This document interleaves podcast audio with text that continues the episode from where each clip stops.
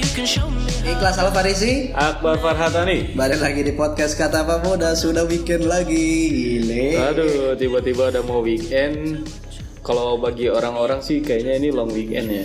Eh emang iya. Long weekend Kamis, Jumat. It, Jumat ada yang cuti bersama. Kamis kan sekarang libur nih. Kita kan tag hari Kamis. Oke.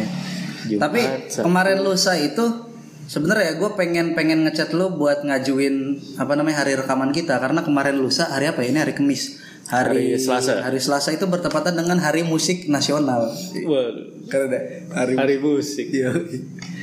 Hari musik nasional banyak musik-musik gak jelas sekarang. Yang ada yang ada yang ada burung gagaknya.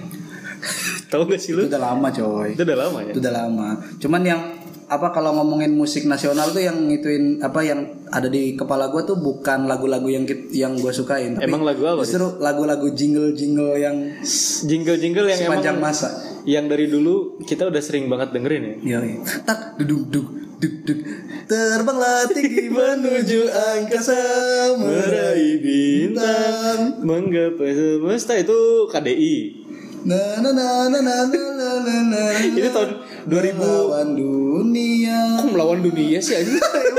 emang emang KDI revolusioner eh iya nggak sih Nah, kalau nggak ini menuju puncak gemilang cahaya memenuhi memenuhi cinta. ada ada ada satu lagi Mama Mia Mama Mia ada mama di samping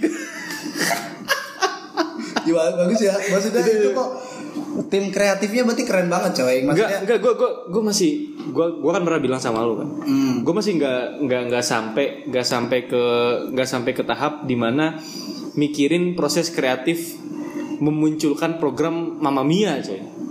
Kok- Nyanyi bareng Mama kok ada gitu dan laku waktu itu coy. kayaknya kontes nyanyi apa pesertanya sama mamanya gitu ya sama Iya. mamanya laku deh gitu. Iya, kayak kayak eh kita ada ide program apa nih? Ayo kita pitching kan kalau sekarang namanya pitching. pitching Pitching ya kan anak-anak startup gitu pitching pitching. iya tapi brilian cuy buktinya apa ininya tuh Tapi kalau misalnya jingle-jinglenya dibawa- Oh. itu sampai melekat gitu Oke, jinglenya bagus. Tapi kalau dibawa ke hari ini itu aneh, coy nyanyi sama mama.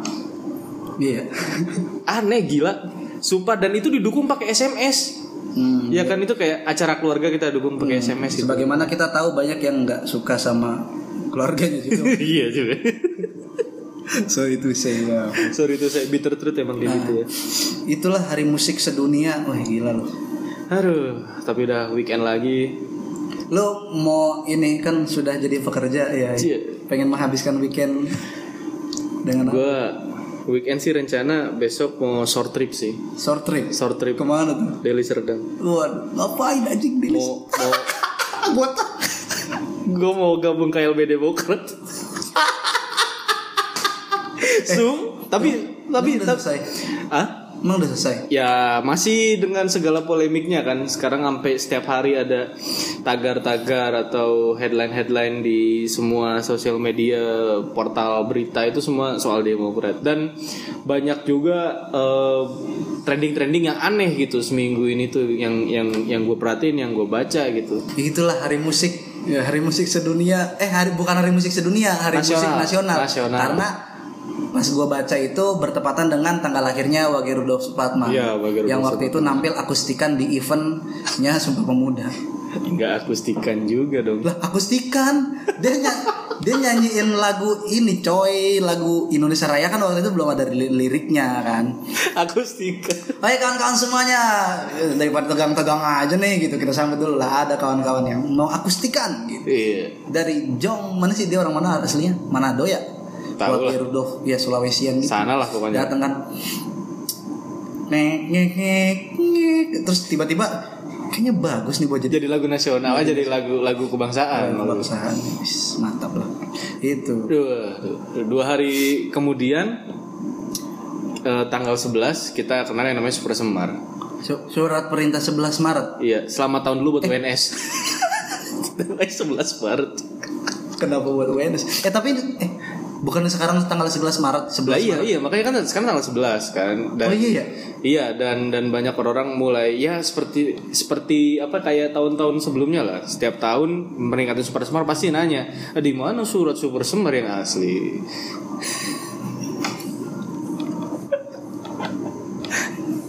Jadi Super Semar ini kawan-kawan harus Anjing gue pengen gimmick orasi gagal. Oke, fail lanjut.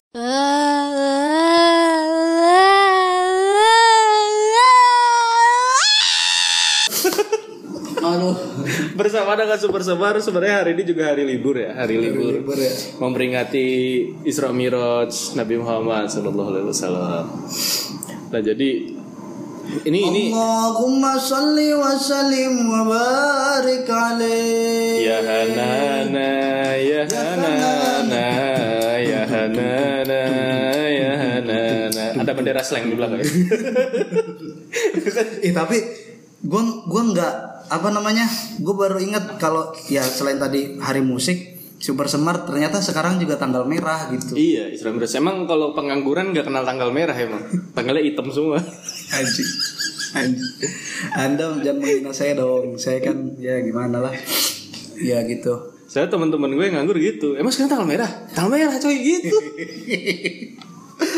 Aduh ya, miris ya. Iya. Kasihan. Dan berbagai berbagai apa ya tadi kita udah bahas Isra, eh, Isra Miraj, terus Super Semar dan itu tuh eh, trendingnya tuh barengan sama trending-trending aneh yang lain yang tadi kita udah sempet bahas apa namanya Demokrat. Oden. Gue terakhir sebelum rekaman ini ngeliat ada trending apa nih Oden. Odin apa? Keren Oden anak FNKSD. Waduh. Ternyata Oden ini Oden One Piece. Ya oh, baru update. Oden One Piece apa Oden apa ya? Ya gitulah Oden pokoknya. Eh, Baru update ceritanya. Nggak tahu gua, gua nggak Soalnya tuh setiap setiap manga update tuh pasti jadi trending di Twitter. Iya, iya. Entah One Piece, AOT segala macem dan gue nggak pernah ngerti karena nggak baca kan, nggak baca komik. Emang trending-trending aneh apa tuh? ya, trending-trending aneh yang ya pokoknya terlepas dari Demokrat ya itu kan aneh banget tuh. Nah selanjutnya kayak kemarin tuh kayak tuh eh, anak presiden yang ngeghosting pacarnya, lalu tau nggak trending itu? Anaknya Hokage, Anaknya Hokage, Boruto. wow. Pokoknya dia tuh ngeghosting pacarnya, Hmm. terus tiba-tiba jadian sama cewek lain. Oh, Sarada Uchiha. Sarada Uchiha. ya karena karena ada istilah baru jadi trending lagi. Tapi ghosting, se ini segala macam. se sealur alurnya Boruto juga gitu coy. kenapa? Yang ngego- apa dia di tikung sama temen satu angkatannya Sumire namanya.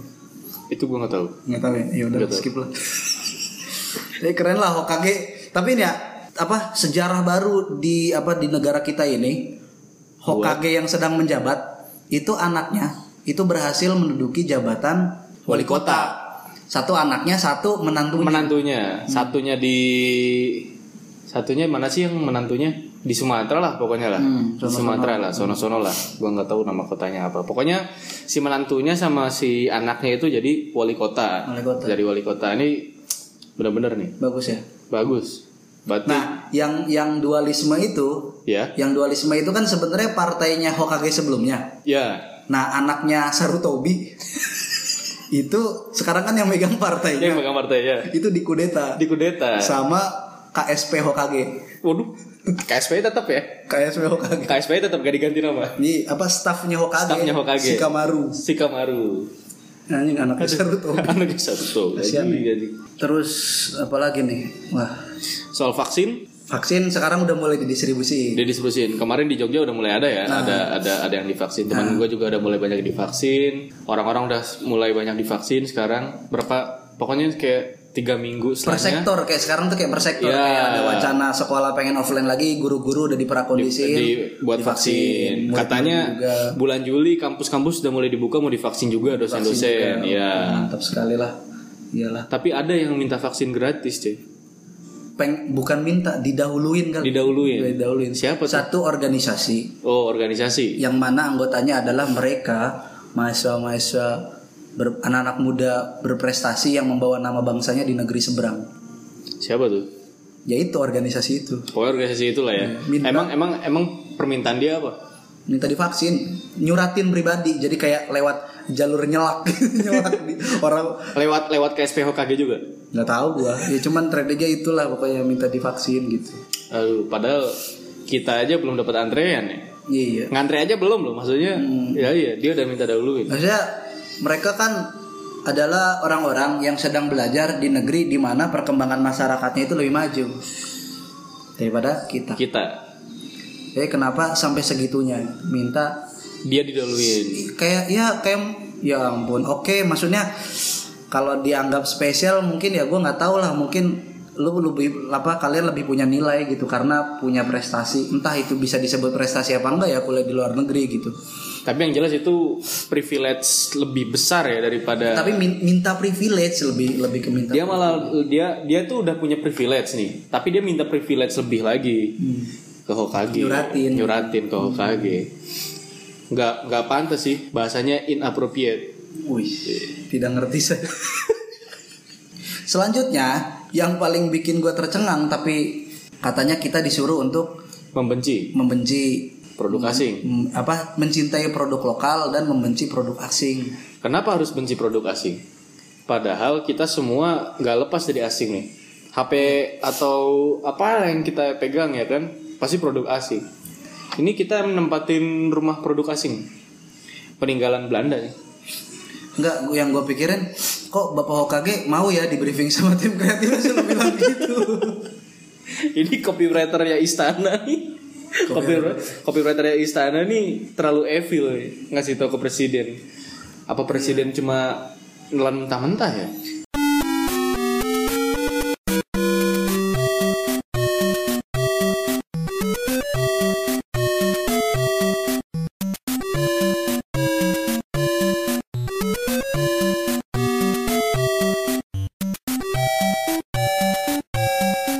Kalau kita nggak mengalami persilangan budaya atau persilangan produk dengan bangsa-bangsa lain, nggak pernah ada di Indonesia namanya gorengan.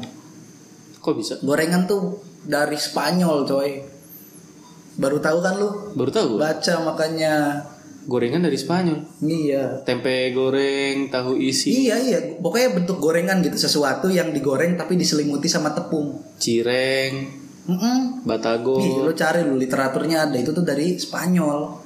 Gila gua nggak bisa, gua nggak bisa bayangin tuh kalau misalnya batagor diganti jadi jalapeno. Ih, makanya lu daripada nge- apa ngepoin ataupun apa ngata-ngatain yang sepele-sepele yang isu yang elit-elit kayak misalkan ad- su- apa elit tuh bikin masalah kita selalu ke trigger kan giliran kita yang naikin masalah jarang banget elit yang ke trigger Nggak peduli ya. iya bening bajakin literatur aja kayak gorengan dari Spanyol aja lu nggak tahu kan Emang itu cara lu taunya dari mana? ya baca lah kocak baca baca baca buku emang lu udah emang lu selama selama setahun ini lu udah baca berapa buku Riz? nggak banyak nggak banyak nggak jadi buat apa teman-teman semua yang mungkin ngedengerin gitu terus pengen relate dengan bahasan kita sebenarnya ya kita nggak mau mau membuat teman semua apa teman-teman semua relate gitu tapi dan lebih menyarankan kalau misalkan teman-teman terlalu terbawa arus sama tren-tren elit gitu mending menarik diri eh, menarik diri mer- bernapas sejenak dengan Iya. bernapas sejenak, memperbanyak literatur memperbanyak literatur kalau itu gue setuju dan langsung aja ini podcast kata pemuda tuh selalu menjawab keresahan Iya. tidak gue ngeklaim ya astaga. kenapa kenapa jadi kayak ustad ustad Eh, selalu menjawab keresahan kita gitu. Iya, jadi iya. kayaknya untuk apa namanya re- apa kita butuh memainkan tempo kita untuk biar nggak terbawa arus gitu Iya cuy, dengan membayar gue gue gue setuju. Salah satu cara menarik diri paling enak itu dengan baca buku kalau menurut gue. Jadi kalau misalnya ini kan kita kan cepet banget nih. Jadi trending tuh selalu beda-beda, yang dibahas di sosial media beda-beda. Terus kita juga ketarik sama isu yang beda-beda terus gitu. ini ini tuh capek gitu, otak tuh capek gitu. Nah kita harus kayak kalau menurut gue sih kayak relaksasi lah, relaksasi dengan baca buku. Mm. Iya serius, entah bukunya fiksi atau non fiksi atau buku-buku yang daging-daging ya terserah lah kita punya selera yang beda-beda kan. baca baca Tapi yang penting kalau menurut gue baca cara menarik diri kayak lu kan kemarin puasa sosmed misalnya. iya iya Ya itu kan mungkin bisa diisi dengan baca buku. Iya benar benar benar. Dan Potensi Anak Muda sudah menyusun naskah berisi 5 rekomendasi bacaan buku untuk lu semua yang sedang mendengarkan. jelas ya ini buku-buku yang udah pernah kita baca ya atau gua atau Faris pernah baca dan Enggak juga anjir. lu gak baca Hah? lu gak baca Baca, cuman ada yang udah gue baca, ada yang Belum pengen selesai. pengen gue kepoin. oh pengen lu kepoin oke kalau gua Hmm, kepoin. di antara list ini ada yang belum gua baca Ka- karena gini memba- ke- kegiatan membaca buku itu bukan kegiatan yang yang sebenarnya tuh wah gitu ya biasa aja gitu menurut gua karena skill pertama kali yang kita bisa pas kita kecil apa coba ikro baca baca Baca, gitu. iya. baca kan jadi kasihanlah sama orang tua kita udah capek-capek ngajarin kita baca kan capek-capek ya kita baca gitu. kita malah nggak baca Mm-mm. dan apa membaca kegiatan membaca buku itu bukan cuman untuk memperbanyak ilmu tapi apa ya mencari inspirasi gitu jadi nggak harus baca ya kepoin aja gitu siapa tahu dengan cuman ngepoin bisa Nah. bisa dapat jadi inspirasi penasaran gitu. inspirasi ya kalau menurut gue juga buat temen-temen yang mungkin agak minder sama bacaannya ya maksudnya ih kok temen gue bacaannya udah tinggi nih kok gue masih nggak ngerti sama buku-buku lu pernah gak kayak gitu kan kadang ada temen-temen gue tuh yang book shaming tuh ah lu baca buku apa sih gitu nih baca tuh yang kayak gini nih nah itu jangan jangan takut jangan takut buat menolak gitu jangan baca aja takut memilih buku jangan takut memilih buku pokoknya buku yang menurut lo lo tertarik ya udah lo baca aja gitu yang jangan penting itu kan tulisannya bisa lu baca kan nah itu kecuali tulisannya huruf Palawa Hana Caraka tapi yang kalau lu bisa baca ya nggak apa-apa iya malah lebih bagus Lanjut kayak aja- langsung aja lah lima lah lima Ini udah berapa menit sih? Ya, lima rekomendasi buku yang akan kita berikan kepada para jemaah. yang pertama kalau gua sangat merekomendasikan ini buku non fiksi Hmm. eh buku fiksi sorry Buku fiksi. genrenya science fiction karena gua suka yang kayak gitu gitulah Oke, judulnya time machine atau mesin waktu mesin waktu, ya penulisnya namanya Michael Michael Crichton bukan time traveler. Bukan, Bukan. bukan, Tapi itu emang semi-semi, semi-semi emang semi-semi emang bener-beneran science fiction gitu. Gua Ah, ya. buku ini gua beli di Blok M waktu zaman gue SMP. Waktu zaman gue SMP gue beli di Blok M, harganya cuma dua puluh ribu. Ah, ada toko buku di Blok M ya? Enggak itu taunya sa- satu satu lantai itu Oh iya, satu lantai itu buku bekas atau gue buku. nggak tahu dan gue taunya kuitang doang pas zaman. Nah, kuitang kan digusur, pindahnya Yang ke Blok M. emperan-emperannya itu. Ha-ha, digusur, pindahnya ke Blok M Plaza. Oke. Eh Blok M Square sorry. Ke Blok M Apa kayak gimana tuh bukunya? Bukunya tuh tebelnya 800 700-an gitu lah, tebel. Di bab-bab pertama tuh lu harus memahami mekanika kuantum. Hah? Iya, serius. Ada teori, bener-bener teorinya mekanika kuantum dan emang ada fakta-fakta di mana eh, dulu tuh ilmuwan itu sangat memustahilkan sesuatu yang kita pegang sekarang. Kayak pesawat, eh kayak HP deh atau yang kayak kereta, pesawat, mobil itu tuh ilmuwan dulu tuh kayak bilang itu tuh mustahil kita bisa terbang, manusia bisa terbang. Nah, Nah itu dia menjawab perlahan bridgingnya tuh kayak gitu. Hmm. Nah itu isinya eh, sebuah perusahaan gitu kayak kayak di Amerika dia bikin mesin waktu tapi dia eh, Itu fiksi. fiksi Oh, kirain fiksi beneran. enggak gitu. enggak kirain beneran kayak kayak apa filsuf-filsuf zaman dulu itu kayak semacam ramal gitu. nah tapi karena bridgingnya dari dari non fiksi jadi kayak kayak Seakan-akan nyata. seakan-akan nyata dan itu dia balik ke masa dimana Perancis sama Inggris lagi perang di abad ke 14 ke 15 Hmm. Lagi belum ini belum rukun. belum rukun belum rukun itu negara-negara Anglo-Saxon tuh masih belum rukun nah itu jadi yang di Hmm. Pas udah rukun ini dia bikin bikin perang-perangan. Uh, Coy, kita kan udah nggak perang lagi, bikin perang ya gimana yuk gitu.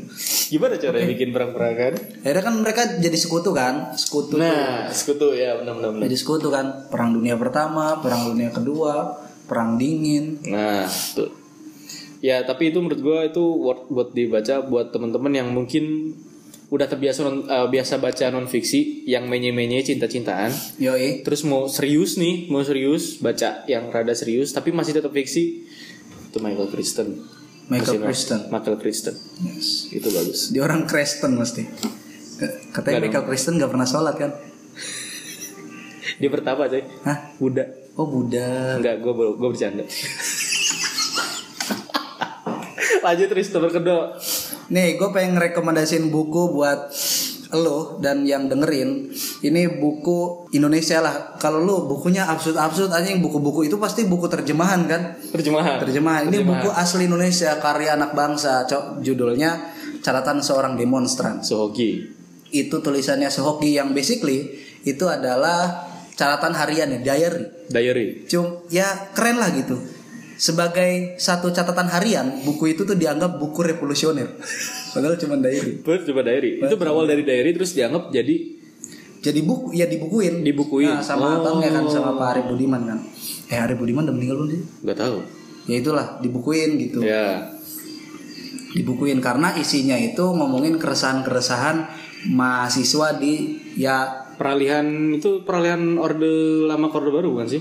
mm, mm, mm, Si- dan iya, ya Sohoki. apa kayak Sohoki itu kayak melepas diri dari ini gitu. Oh iya. itu tuh gue jadi kayak mengulang apa gue kan dengerin podcastnya Adriano Colby tuh Iya. terus dia bilang kayak emang ya idealisme itu cuman bisa kita lakukan kalau kita nggak punya temen gitu sohoki banget Uh, Sohoki bang. Hmm, sohoki banget atau sohoki ini kalau misalkan dia ada hari ini dia itu baskaranya sekarang Mas Karanya. Wah. kapan derai kamu dapat tertidur tenang. Tapi tapi emang naik buku-bukunya gunung tapi emang buku-bukunya Sohok gitu jadi kayak buku-buku wajib bacaan buat anak-anak gerakan gak sih? iya kenapa wajib ya Kenapa wajib gitu? kenapa Kayak- wajib ya? ini kayak catatan seorang demonstran terus orang-orang di persimpangan di persimpangan kiri jalan Kalau apa apa kalau itu beda lagi. Kalau ini kan cuman diary.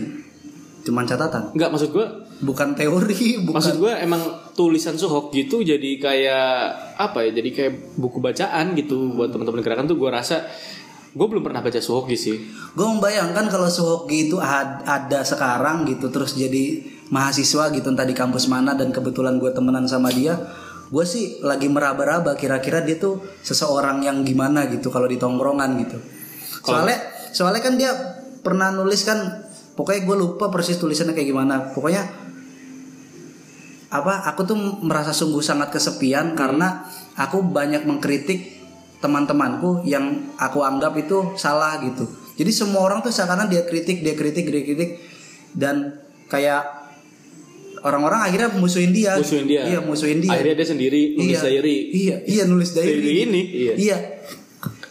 nggak tahu ya gitu apa pas zaman itu tuh dia di apa namanya walaupun dia punya sahabat-sahabat gitu di Iya, Mapala itu, sahabat-sahabat punya sahabat Mapala itu ya yang sering naik gunung segala macam ya. Ah, Iya, iya. Nah, dan tapi kalau misalnya dia ada di sekarang di dunia 4.0, dia mungkin bisa jadi gitu. Dianggap mahasiswa yang gak asik gitu.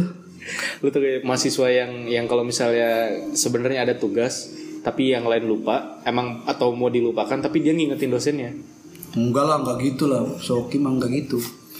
Enggak gitu, enggak maksud juga bukan bukan lagi jelek-jelekin beliau juga. Gue ngefans sama dia sama keteguhan keteguhan prinsipnya kalau kalau ya salah ya salah gitu, jangan dikasih pembenaran apapun gitu. Kalau ya bener ya udah bener gitu. Makanya dia nggak nggak sampai kalau lu nonton filmnya kan lu dia Mhm. Iya, iya, sampai iya. kayak dijudge, di, Dijudge, iya. disuruh bersikap lu tuh sebenarnya kiri apa kanan sih gitu. nah iya iya benar Gua mapala pencinta alam pecinta alam gitu kan dan puisi-puisinya juga banyak banyak banyak keren lah gue gue jadi inget apa satu lagu satu lagunya yang di yang di filmnya Gi Mm-mm. apa yang adalah apa lagu bahasa Inggris gue lupa oh dona dona dona Iya, Dona itu kan Dona yang nyanyi si ini ya si pacarnya pacarnya Ininya kan. Ah. Siapa dona dona dona dona yang gitu. Gitu. dia lagi na- apa manggil Maradona Nah, Wow. Lanjut. Buku selanjutnya yang lu pengen rekomendasiin? nah ini lu mau baca itu ker- bagus banget dan ngepoin pun bagus banget karena ini adalah bacaan yang membuat kita tidak tercerabut dari jati dari kita Waduh. Apa judulnya? negara Kertagama Waduh, berat banget ya Allah. Enggak deh, lu gue di Lu kenapa? Lu kenapa ngetawain negara Kertagama? Gue gue nggak ngetawain negara kertagama. Maksudnya gue tuh belum sampai ke tahap bisa baca buku yang kayak gitu ngerti gak lu?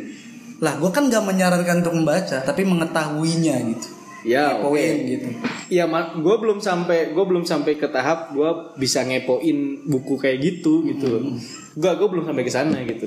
Yang lu yang yang lu yang pengen apa ya?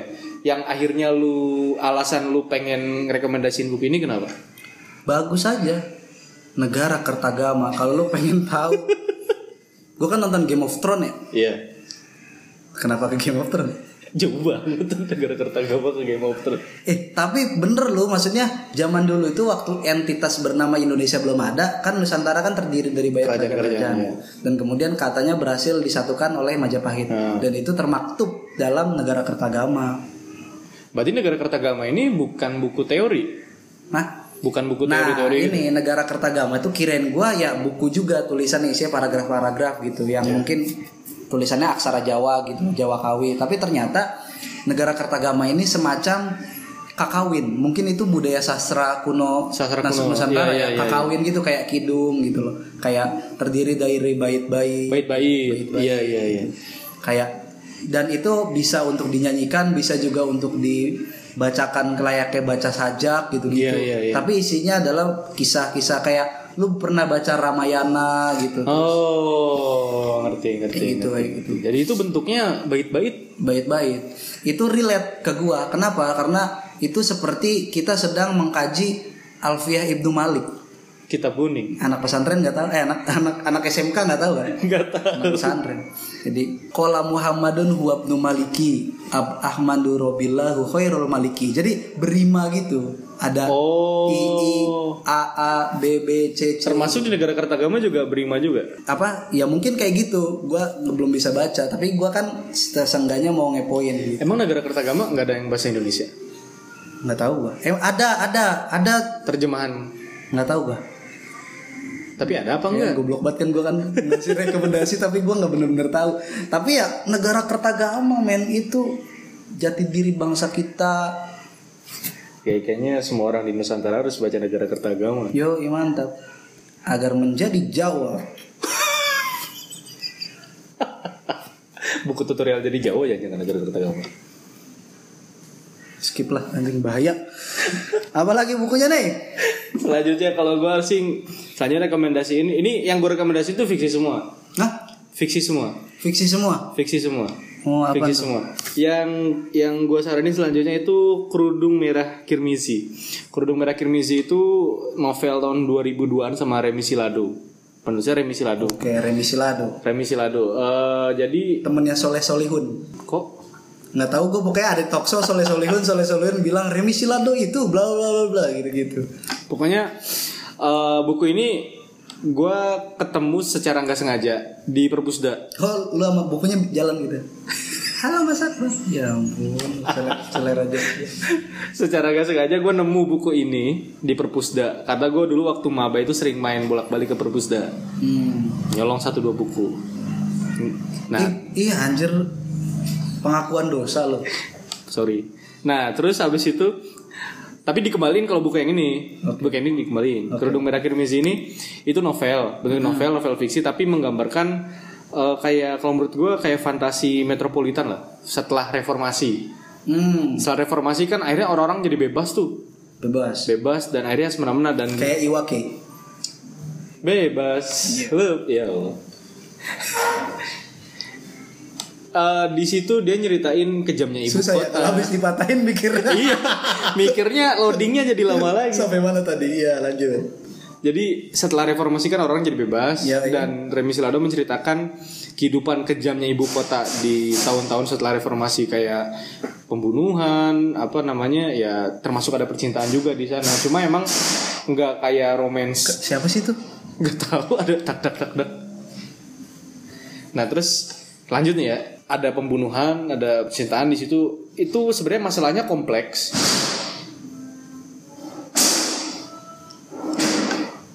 Siapa sih itu? Gak tahu. Udah kayaknya. Udah. Kenapa kita di inin Satroni? Satpol PP jajan jam berapa nih? Enggak lah. Lanjut. Oke, selamat datang di podcast Kata Pemuda. Lanjut ya. Iya, lanjut. Remi Silado.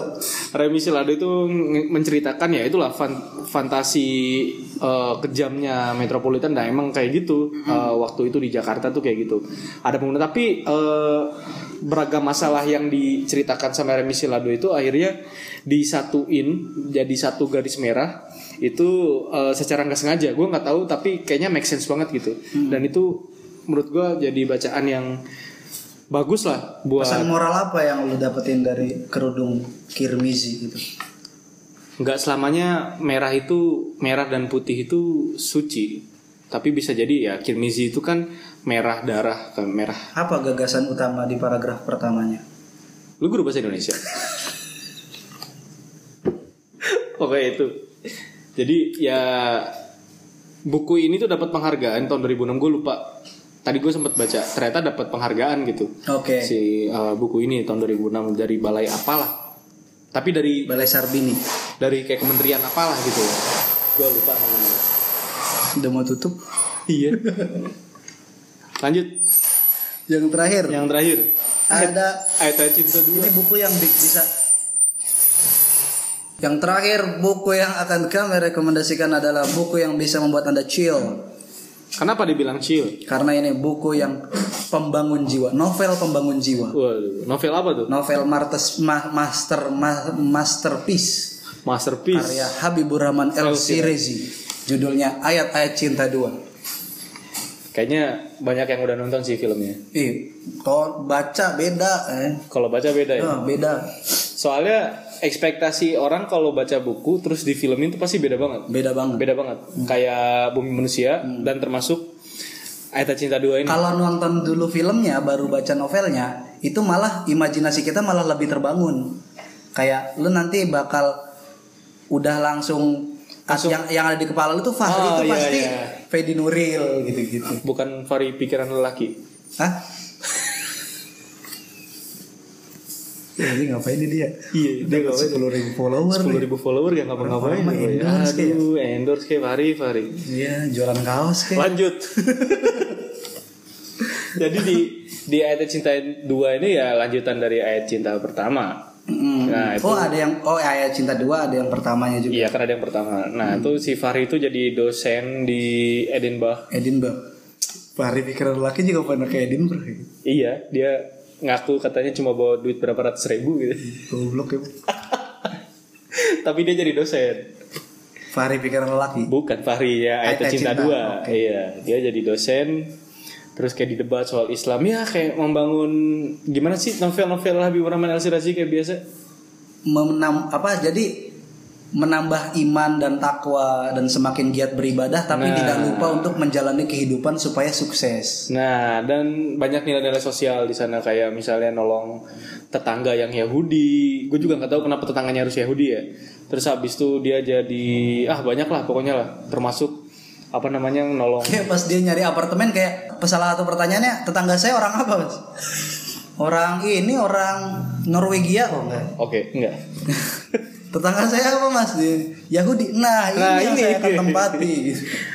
Padahal kan di Scotland ya entahlah ya rasnya apa tapi atau agamanya apa tapi yang di set sama Kang Abi itu sebelahnya orang Yahudi nenek Yahudi yang terus ya banyaklah konflik antara tetangga gitu ya menurut gue yang aneh tuh sebenarnya di tulisannya Kang Abi di novel itu tuh bagus banget kalau menurut gue Ah. kalau menurut gue ya yang yang suka baca fiksi itu bagus banget tetapi kenapa di akhirnya kan ada dua perempuan tuh Iya, gue lupa namanya siapa yang istrinya Fahri yang lama yang akhirnya di Palestina itu dan Mar- satu Maria bukan sih? Eh siapa sih? Bukan. Aisyah. Aisyah. ya Aisyah kalau nggak salah Maria mah yang di pertama Oh iya. oke. Nah itu yang terus satunya ada lagi kayak kenalan dia yang pengen dijadiin pengen dijadiin Mas Kopong lagi nyapu. Bang Kopong. Oh, ada drawing man. Asal ada yang problem dengan barang. Yang sering dong.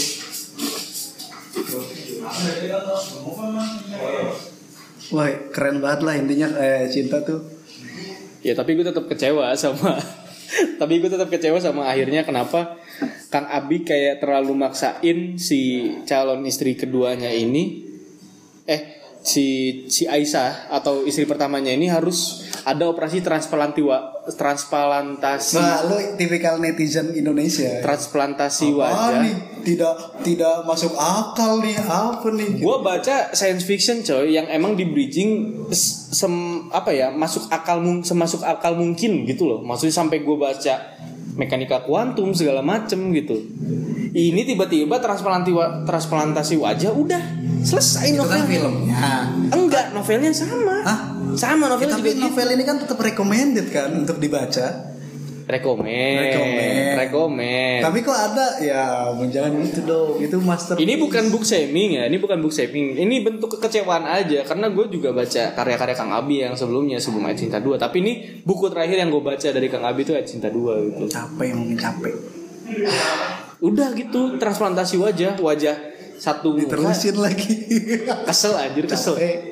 Kesel. penulis juga ya ampun tapi di luar lima buku yang kita rekomendasi sebenarnya Banyak dunia ini tuh banyak sekali banyak banget buku-buku yang lain. Ini cuma cuma yang mungkin yang kita sarankan, kita rekomendasikan atau yang pernah kita baca gitu. itu baru masterpiece karya-karyanya Kang Abi Habibur Rahman Ya. ada juga masterpiece karya-karyanya Pram misalnya Ah, Pram. Belum, kita belum kita belum nyentuh karya-karyanya Pram Mbak gitu. Oki Madasari Oki Madasari. kalau yang mau fiksi-fiksi itu banyak tuh kalau yang mau yang non fiksi non fiksi banyak gitu Wah banyak banget. Mungkin ada yang mau baca Das Kapital. Eh, yang Jogja banget gitu yang Jogja banget ada tuh Bukunya ini Eka Kurniawan, Eka Cantik Itu Kurniawan. Luka gitu. Terus ada bukunya Gusmu. Gusmu. Eh, Gusmu Gu- Muhyiddin Eh, Dahlan. Tuhan izinkan aku jadi pelacur. Kata Tuhan, monggo. Damn!